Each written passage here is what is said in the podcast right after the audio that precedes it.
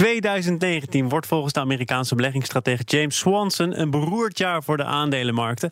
Bespreken we in het beleggerspanel. En dat bestaat uit Nick Bakker, beurshandelaar bij Nijenburg, Karel Merks, beleggingsspecialist bij Beleggersbelangen en Roel Barnhorn, thematische analist bij ABN Amro. Uiteraard is ook nog altijd hier mijn zakenpartner van vandaag, Desiree van Bokstel, partner bij Carmijn Kapitaal. Welkom allen. Iedereen heeft er zin in, dat is mooi om te zien. We beginnen met eh, de traditionele vraag eh, bij dit panel, namelijk wat was je laatste transactie en waarom? Nick, kijk verwachtingsvol naar jou. Jij regelt meestal nog iets op de weg hier naartoe. Uh, nou, vandaag niet op de Oh. weg naartoe, maar zeker. Wij doen dus alleen daghandel. Ja. En ik heb vandaag positie genomen in Axel. En die heb ik ook weer verkocht voordat ik hier naartoe kwam. Eh, vanwege dat verhaal eh, dat eh, PON eh, al 5% gekocht heeft. En dat ze een tenderoffer deden voor eh 20% van totale aandelenbelang wat er verhandelbaar is. En ik geloof dat ze 19 euro eh, per aandeel eh, boden. Dus dat was een eh, mooie kans vanochtend. Ja. ja, we hebben het er net inderdaad ook over gehad met Koen Bender. Ehm, Begrijp jij iets van wat er daar gebeurt? Want ze hebben dus al heel lang interesse ook. Ze zouden het eerst helemaal willen overnemen, nu 20 procent. Hoe nou je naar die ontwikkelingen? Eerst, eh, dat, dat bod was geloof ik 33, dat is afgewezen. En vervolgens is die koers natuurlijk helemaal eh, nou, heel erg hard gedaald. En, Mensen nou ja, vonden ook dat bot was te snel afgewezen. ja, eh, ook grote aandeelhouders, maar die kwamen er wel pas mee toen die koers al door de helft was gegaan. Dus dat was ook niet heel consistent. En eh, nou goed, nu, nu zie je dus dat, eh, dat PON, die al interesse had, eh, denkt, nou, ik, wij kopen gewoon een 20% belang. Als we, als, we, als we niet helemaal het bedrijf kunnen overnemen, dan nemen we in één keer gewoon een heel blok uit. En dat zouden ze in de boeken kunnen kopen, maar dan gaat dat eeuwig duren, want er ligt niet zoveel eh, volume in Axel. Dus ze hebben een tenderoffer gedaan. dus iedereen die dat wil, die kan zijn aandelen aanmelden voor 19 euro aan PON. We gaan eh, naar het tweede panellid dat ik graag deze vraag voorleg. Karel. Ik denk dat in de komende maanden de volatiliteit op de beurs gaat toenemen. Volatiliteit is bewegelijkheid en daarom heb ik een optie gekocht op de Amerikaanse VIX-index, die de bewegelijkheid meet van de S&P 500, die afloopt in april. En waarom denk je dat het wat grilliger gaat worden de komende maanden? Ik denk dat we, eh, de volatiliteit neemt vaak op twee momenten toe. Dat is A, als we dalen, als de onzekerheid toeneemt. En B, ook aan het einde van een boelmarkt. We zagen ook in 98 en 99 dat de bewegelijkheid op de beurs toenam. Terwijl we wel nog hogere koersen hebben gezien. En oktober was heel volatiel. Afgelopen week was rustiger dan oktober. Oktober Dus is traditioneel wat lastiger, toch? Klopt, oktober is eh, traditioneel de slechtste maand. Negen, die 29 was er een crash, 2008, Lehman en ook eh 2000 was niet positief. Nick, Ja, maar waarom, waarom koop je dan niet gewoon een put-optie? Waarom, waarom ga je dan op de, om, op de VIX eh, handelen? Want, want de VIX is een afgeleide van al van opties. Namelijk, eh, de VIX is afgeleid van de implied volatility. Wordt nu even technisch, maar Ja, nee. Even van de implied kijken, volatility. vertrouwen in. Kijk, en de reden waarom ik het nu koop is een put die di- daalt in waarde op het moment dat de koersen flink stijgen. Ja. En, en ik bedoel, je had in 98 en 99 had je ook in de laatste twee jaar van de boelmarkt een toenemende volatiliteit. Hetzelfde geldt voor 2007. Dus mocht de boelmarkt verder gaan, dan wil ik ook geld verdienen met deze positie. oké, duidelijk. Roel, jouw laatste transactie. Jij bent eh, niet zozeer gericht op aandelen als wel als obligaties. Goed om even te zeggen. Dus een tegenhanger. Eh, we hebben volatiliteit al gezien in eh, opkomende landen. Dus wij hebben verder in emerging markets, zoals het ook al heet, eh, verder uitgebreid. We zaten eerst alleen in de overheidsleningen. We zijn het ook in bedrijfsleningen gedaan in, in de lokale valuta. We verwachten dat die volatiliteit in deze markt, met name aan de valuta, dat gekoppeld is met de dollar. De dollar is sterker aan het worden. dat we daar kunnen profiteren. Wij profiteren dus van die volatiliteit die de aandelenmarkt nog verwacht. Ja, en dan ga je ervan uit dat je op de emerging markets wel ongeveer de bodem hebt bereikt de afgelopen maanden? Eh, niet alleen de bodem hebben bereikt. eh, we zijn wat eh, negatiever op de high yielders. Dat zijn de, de lage eh, kwaliteit eh, bedrijfsobligaties uit Amerika. Eh, net zoals de aandelen verwachten een beetje dat ze aan het eind van de cyclus zijn. Dus de opslagpremie die gaat oplopen. Ja. Dus eh, we proberen daar eh, winst te nemen, kan je zo verder zeggen. Meer opportunities in emerging markets. Goed. Desiree, jij maakt dit allemaal mee voor de eerste keer. Beleggerspanel, heb je zelf iets met beleggen? Nou, nee, ik doe niet zo heel veel, eerlijk gezegd. Oh, maar niet helemaal Althans, niks. ik bemoei me daar niet mee, laat ik het zo zeggen, lange termijn. Dus Ja. eh, het daghandel, dat eh, ken ik niks van. Nee. Goed, en werd het net voor jou te technisch? Dat ik even weet, wat is het eh, ja, het wordt voor het mij echt technisch. Ik heb toch wel bij ABN AMRO gewerkt ooit en ik had het allemaal moeten weten, maar nee.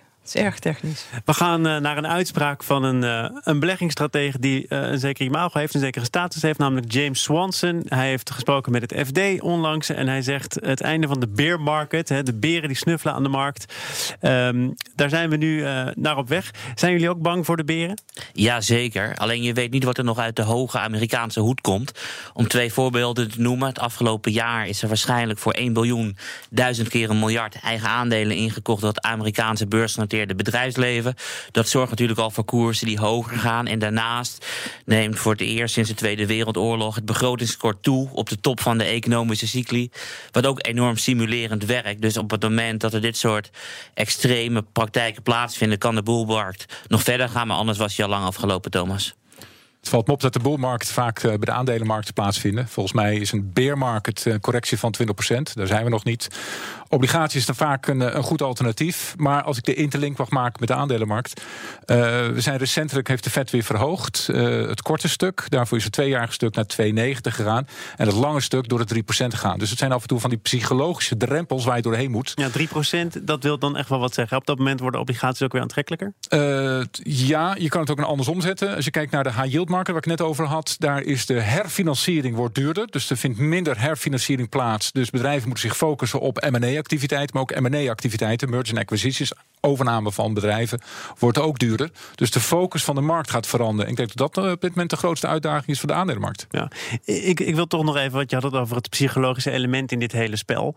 Maar als je maar vaak genoeg zegt dat de beermarkt op zijn einde loopt en dat een recessie nabij is, hè, zoals ook deze uh, Swanson nu doet dan gaat het natuurlijk ook een keer gebeuren. Of uh, ben ik dan te makkelijk? Ja, en dan ben je in één klap wereldberoemd.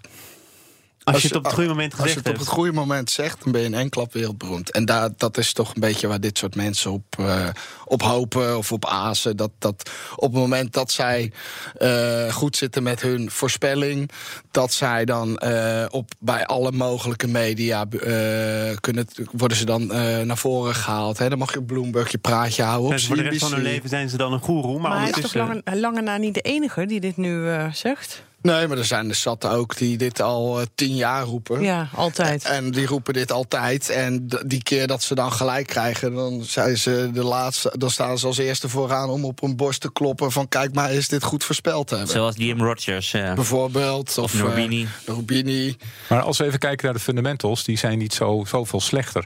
We zien natuurlijk groeiramingen. we hebben, als je kijkt kwartaal tot kwartaal groei in Amerika. het tweede kwartaal was boven de 4 procent. de laatste kwartaal was 3,5 procent. Dus je ziet wel dat de groei gaat afnemen. Maar als je kijkt naar Europa, daar gaan we ook de groei naar beneden bijschalen. ABN heeft recentelijk de, de groei naar beneden gehaald naar 1,5 procent voor Europa. Emerging market, opkomende markten, gaat ook naar beneden toe. Maar ik moet zeggen, Amerika met een groei van 1,9, 2 procent is nog redelijk robuust. Maar dan heb je het ook over dat begrotingstekort, zoals door Karel zojuist aangehaald. De vraag is of dat dan gezond is. Ja, maar Amerika is altijd in staat geweest om beleggers te vinden. Het is een hele grote markt. Het is de grootste markt waar altijd de, de linking pin is met risico-assets. Dus ik denk dat Amerika een status van safe haven of vertrouwen... dat zal blijven uitstralen, of het met Trump is of niet. En ik zou persoonlijk oppassen met economische groeicijfers van het afgelopen kwartaal. Want die worden altijd weer het volgende kwartaal weer bijgesteld. En het mooiste voorbeeld was 2008 natuurlijk. In augustus was er nog steeds economische groei, Q1, Q2. En een jaar later bleek dat we eind 2007 al in een recessie zaten. En al die cijfers zijn weer aangepast. Omdat heel vaak economen juist die draai missen. Ja, maar James geeft hier duidelijk aan. Het aandelen winstpotentieel wat er was, gedeeld door groei. En als groei afneemt, dan krijgen die, uh, die verhoudingen krijgen natuurlijk wel anders. Dus dan zou zijn bear market zou misschien wel een flat market kunnen zijn. Ja, hij wijst op uh, bedrijfswinsten als percentage van het BBP. Hè? Dat is voor hem de graadmeter. Klopt. En op lange termijn kunnen bedrijfswinsten niet sneller groeien dan het BBP. En die cijfers keren altijd weer terug naar het historische gemiddelde. En die zijn nu ruim boven wat we in het verleden gezien hebben. Toch nog even naar het vertrouwen dat dan de Nederlandse particuliere belegger heeft. Dat wordt ook maandelijks gemeten door Bink Bank, onder andere in een maandelijkse beursbarometer. En daar is het eh, vertrouwen dan weer gestegen ten opzichte van vorige maand. Moeten we dat dan uh, vooral toeschrijven aan die moeilijke oktobermaand? En kun je bijna niet dieper zakken? Of uh, is dat vertrouwen ook nog ergens anders op gestoeld? ik vind het heel bijzonder dat het vertrouwen gestegen is. Omdat je heel vaak ziet dat als de AX naar beneden gaat, dat het vertrouwen juist daalt. Want stijgende koersen zorgen voor meer vertrouwen en dalende koersen voor minder. Dus als je leert toch elke keer weer wat in zo'n beleggerspanel? Nou ja, dus 400 jaar is het nooit anders geweest. Dus misschien leren ze het na 400 jaar, maar ik betwijfel het. Hoe verklaar jij het, Nick? Nou ja, dat, dat, wat Karel zegt, daar zit gewoon een zeer grote kern van waarheid in. Ja. Dus uh, ja, dat, dat, ja, ik heb er eigenlijk ook niks op, uh, op aan toe te voegen, nee. Karel. Dus maar, is het, maar is het niet vaker zo aan het einde van het jaar het consumentenvertrouwen toeneemt? Je krijgt natuurlijk zo'n zomer, uh, hele lange zomer, waar heel veel warmte is. Men kijkt toch ook weer naar, naar kerst en, uh, en andere feestdagen. Ik denk dat daar meer een sentiment is dat uh, elk Klopt, jaar maar terugkomt. daar ben ik het wel met jou eens. Want een eindejaarsrally is ook statistisch onderzocht. Ja. En als je kijkt naar 2008, toen zijn de koersen gehalveerd. Maar december was plus 10% En deze week was dramatisch. Maar kocht je vanaf 20 november tot oud en nieuw... dan had je 21% rendement. Zelfs in een jaar waarin de koersen min 50% gaan. Ik ben ook investeerder, maar ik investeer in het MKB. En dat doe je voor een aantal jaren. Want in het MKB kan je, het is natuurlijk totaal illiquide. Um, en MKB'ers kijken toch, ja, ik denk niet dat ze zo heel erg uh, bullish zijn op dit moment. Um, zien toch wel dat het uh, heel moeilijk is om personeel te krijgen. Dus de groei zwakt daardoor simpelweg af. Uh, je zal inderdaad misschien meer hogere salarissen moeten gaan betalen. Maar dat is ook niet altijd een groot feest. Veel MKB'ers zijn nog maar nauwelijks uit de crisis. Dus zijn toch bang om nu alweer grote risico's te nemen met grote investeringen. Kun je dat zeggen na tien jaar? Nauwelijks uit de crisis? Ja, ik denk dat sommigen pas uh, twee jaar weer het gevoel hebben dat er weer lucht is. Ja, uh, ja, ja. ja. Ja, goed. Dus we kunnen het hier, uh, en dat doen we ook uiteraard met veel plezier, hebben over koersbewegingen. Maar het MKB heeft ook zijn eigen problemen, zijn eigen ja, reality retail is nog steeds heel ja. moeilijk natuurlijk. Er zitten toch heel veel van onze MKB'ers in. Dus, ja. We gaan het hebben over TomTom. Tom, over moeilijke of in ieder geval roerige tijden gesproken. Tenminste, drie investeringsmaatschappijen hebben ongevraagd een bod uitgebracht op TomTom. Tom. Koers ging omhoog. Uh, beleggers zien dit, Karel, dus wel zitten. Blijkbaar, want de laagste koers was 5,72 uh, vorige maand. En net stonden we op 8,21. Dus beleggers zien het zitten. Persoonlijk zie ik het niet zitten. Want op het moment dat ik een aandeel koop, dan wil ik zelf ook het product gebruiken. Want dan weet ik dat het aantrekkelijk is. En als ik in de auto stap, dan gebruik ik Google op mijn smartphone. En geen TomTom. -tom. En ik geloof in Google. En niet op lange termijn in TomTom. -tom. En ook al hebben ze geen schulden, meer dan 100 miljoen op de bank. Ik zit er niet in, omdat ik het niet gebruik. Het, is al wel een tijdje onrustig rondom TomTom. Tom, We hadden natuurlijk die klanten die overstapten naar Alphabet, het moederbedrijf van Google. Er wordt er al wat langer gespeculeerd over een overname of over hoe het nu verder moet met TomTom. Tom. Ook voor een deel ingegeven door de uitspraken van de topman zelf. Even hoog over in het algemeen. Wat merk je daarvan als aandeelhouder? Wil je dit of wil je dit niet? Je wil dit, want op het moment dat be, uh, er meer belangstelling komt voor het aandeel, zal het aandeel omhoog gaan. En op het moment dat niemand belangstelling heeft, zal het naar beneden gaan. Dus je wil zoveel mogelijk belangstelling. Kijk naar Unilever. Warren Buffett en uh, 3G Capital melden zich. En het aandeel gaat twee jaar geleden sterk omhoog. Dus je wil altijd belangstelling. Nou is Unilever natuurlijk wel heel wat anders dan TomTom. Tom. Maar goed, wat, wat Karel zegt, er zit wel een kern van waarheid in. Maar uh, wat ik vooral grappig vind, is dat op uh, 5,50 onder de 6 euro wilde niemand het meer hebben.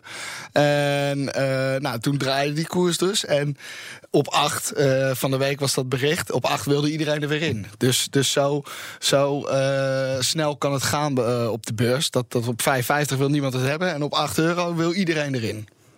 Ja, is het overigens wel zo dat er uh, geen slecht nieuws bestaat, zolang je maar in de aandacht staat? Want TomTom Tom is de afgelopen maanden natuurlijk niet per se als winnaar uit de strijd gekomen. Ja, er bestaat zeker wel slecht nieuws. Dat hadden we van de week kunnen zien bij het Belgische aandeel Neerstar. Wat, uh, wat eerst in het weekend, uh, of eerst in, uh, van het weekend was er een stuk in de tijd. Heel erg negatief verhaal. En vervolgens kwam ABN AMRO met een koersdoel van 1 cent door. Nou, dat aandeel ging van 1,10. er staat nu nog maar 40, ik zag 40 cent doorkomen. Ja, vandaag weer min 35 Ja, dat, dus slecht nieuws bestaat zeker wel.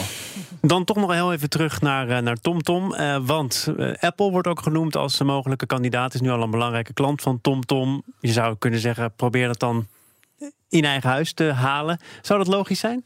Ja, ze hebben meer dan 200 miljard op de bank staan. En TomTom Tom heeft 100 miljoen. Dat is echt een fractie ervan. Dus als ze het willen, doen ze het gewoon zelf. Ja, dat zou je kunnen zeggen. Maar ze moeten het nog wel eens worden met de directie. Want die heeft 44% van de aandelen in handen. En nou heeft topman Gordijn al gezegd... ja, moeten we zelf door of moeten we toch gaan samenwerken? Hij is daar in het verleden wel eens wat stelliger over geweest. Zijn de geesten ook bij TomTom rijp voor een nieuwe volgende stap? Nou ja, bij de, bij de, laten we zeggen, bij de retail-aandeelhouders uh, is die geest altijd rijp. Want uh, dat, ook toen de koers op 12 euro uh, stond, werd er geschreeuwd op, over een overname, noem maar op. Maar inderdaad, als, je, als je de Goldijns en zijn vrouw niet meekrijgt, de vier grote aandeelhouders niet meekrijgt, dan is TomTom Tom eigenlijk niet van de beurs te halen. Roel, is dit niet helemaal jouw divisie, geloof ik, hè? die aandelen van TomTom? Tom? Nee, het is heb niet je, bij de Heb je wel een kastje? Laat ik het maar zo vragen. Ik heb ook geen kastje. Nee, nee, ik, ik fiets veel. Dus uh, ik, ik, denk aan het milieu. Nou, TomTom Tom heeft ook volgens mij uh, geprobeerd met sportwatches en zo tijd te keren. Niet helemaal ja, gelukt, Maar je ziet heel duidelijk psychologie. Hè, dat het een, een retail- consumentenaandeel is. En grote beleggers hebben er gewoon een hele andere strategie. En die kijken naar, naar waarde van het bedrijf. Dus, uh, nou, wat, dat wat is niet helemaal waar. Want uh, bijvoorbeeld John de Mol zit er ook erg groot in. En ik heb mensen gesproken die, die echt heel groot in dat aandeel zitten. En, en waarom doe je dat nou? Zij zien gewoon waarde in die kaartentak van TomTom. Tom. En ze zeggen, ja, dat is de waarde wat in TomTom Tom zit. En die komt niet tot uitdrukking op de beurs. Ja, wie heeft er dan gelijk? De beurs of, of degene die dat uh, die, ja, maar Iedereen heeft het altijd over waarde van kaarten. Maar wat staat er op die kaarten? Want op het moment dat ik Google Maps gebruik... en ik heb een tankstation nodig of een pinapparaat... dan staat er allemaal duidelijk op. Files zijn ook accuraat. Dus wat is er zo bijzonder aan die kaarten van TomTom? Tom? Dat die uh, volgens, nou ja, volgens degene die ik dan gesproken heb, uh, zijn die kaarten veel preciezer. Dus uh, op het moment dat autonoom rijden echt een ding gaat worden, dan wil je echt die precieze kaarten hebben, zoals TomTom Tom die maakt. En ja, voor, voor ons op ons telefoon maakt dat natuurlijk niet uit. Maar voor een zelfrijdende auto is dat wel belangrijk. Ja, Google is volgens mij marktleider met de zelfrijdende auto. Dus ik vertrouw nog steeds op mijn maps. Ja. Nou, Thomas, als ik het zo het verhaal hoor van deze twee specialisten, eh, mis ik een beetje de strategie van TomTom. Tom. Die hebben drie divisies. Ze praten over één divisie. Het is een beetje het uh, Philips uh, waar ik dan uit die tijd kom. Dat ze een goede uh, radio smaakten. En ze hadden ook Polygram, wat je gewoon er gratis bij kreeg. Wat een waanzinnig bedrijf was eraan. Dus ik denk als je strategie niet goed over de bühne kan brengen, dan krijg je een splits in het bedrijf. En dan komt de waarde aan één kant van het bedrijf, komt niet door een andere waarde. En dan kan je het gaan strippen. Of je moet het hele bedrijf kopen. Ik als zie twee specialisten knikken, dus ik denk dat je iets gezegd hebben wat uh, in ieder geval de rest van het panel ook voor waar wordt aangenomen. We gaan nog even praten over Alibaba. Niet over het nieuws dat ze een nieuw distributiecentrum openen. Niet in Nederland, maar in België. Tegenvalletje voor Rutte, denk ik. Maar afgelopen weekend kochten Chinese consumenten voor 31 miljard dollar aan goederen. Alibaba boekte een omzet van 27 miljard euro. Heeft uh, veel te maken met. Uh, de Singles Day, uiteraard. Dat is een jaarlijks terugkerend fenomeen. En het is ook echt een fenomeen geworden. Maar er zijn wel minder koelkasten en wasmachines verkocht. En dat duidt erop dat er minder mensen verhuizen. Dat de vastgoedmarkt een beetje in het slop zit. Kun je dat inderdaad zo zeggen aan de hand van bedrijfsresultaten? Zegt dat iets over de Chinese economie? Ik geloof die hele cijfers niet.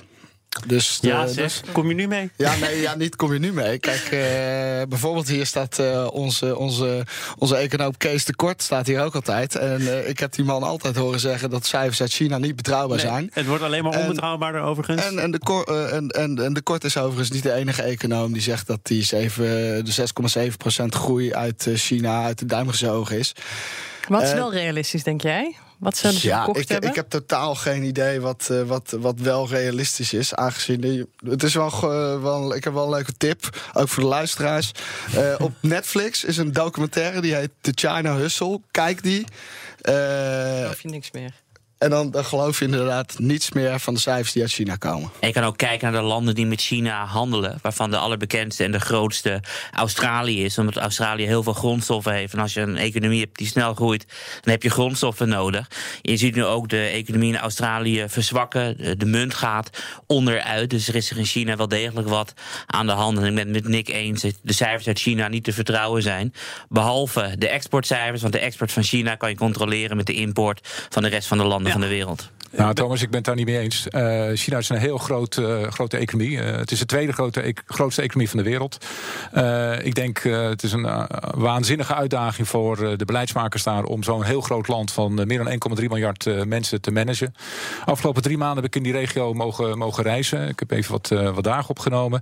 En dan zie je toch dat daar in die landen... het is heel moeilijk om daar wat, wat echt sustainable neer te zetten. Echt fundamenteel neer te zetten. Is er een enorme verandering. Het is sociale staat. Een sociale staat die probeert open te zijn, een open economie te creëren. En dan krijg je natuurlijk allemaal reality checks. Nou, als een land 10, uh, 30 jaar lang een groei heeft gegeven boven de 10%. En je doet inderdaad een reality check. Ik denk dat 10% inderdaad overdreven was. Na een reality check van 6,5%. Wij noemen dat binnen ABN AMRO een soft landing. Denk ik van, dan is dat waanzinnig dat je die transformatie wil doen. Moet je ja, maar de vraag is, waar kun je op baseren? Je kan niet op baseren, maar ze moeten wel 1,3 miljoen mensen sociaal vooruitzichten geven. Die mensen willen groeien. Dus je ziet nu door dit mooie cijfer, wat, uh, wat de Singles Day is, dat het middensegment aan het groeien is. En dat wil je. Je wil mensen hoop geven. En een hoop voor 1,3 miljard mensen. Ik denk dat dat op dit moment de belangrijkste reden is voor de beleidsmakers. Maar het zorgt wel voor zeepbellen. Want de afgelopen 10 jaar zijn de balansen van banken in China met meer dan 1000% gegroeid. En elke keer als een balans in 10 jaar met meer dan 500% groeit, heb je een krediet crisis. Of je nou in de Verenigde Staten kijkt of in andere landen wereldwijd. En dan hebben we het nog niet eens over het schaduwbanksysteem. Wat dat kan ook niet meer, want de tijd is op. Oh. Ik wil nog even een bezwerende uitspraak van een topman van Alibaba erin gooien. Het gaat Alibaba überhaupt niet om de cijfers. Het is een test voor hun systeem. Kijken of het systeem ook overeind blijft op het moment dat het druk is. Dus laten we het daar dan maar uh, bij houden. Dank voor jullie komst. Nick Bakker, Karel Merks en Roel Barnhorn. En uiteraard ook dank aan mijn zakenpartner van vandaag, Desiree van Bokstol.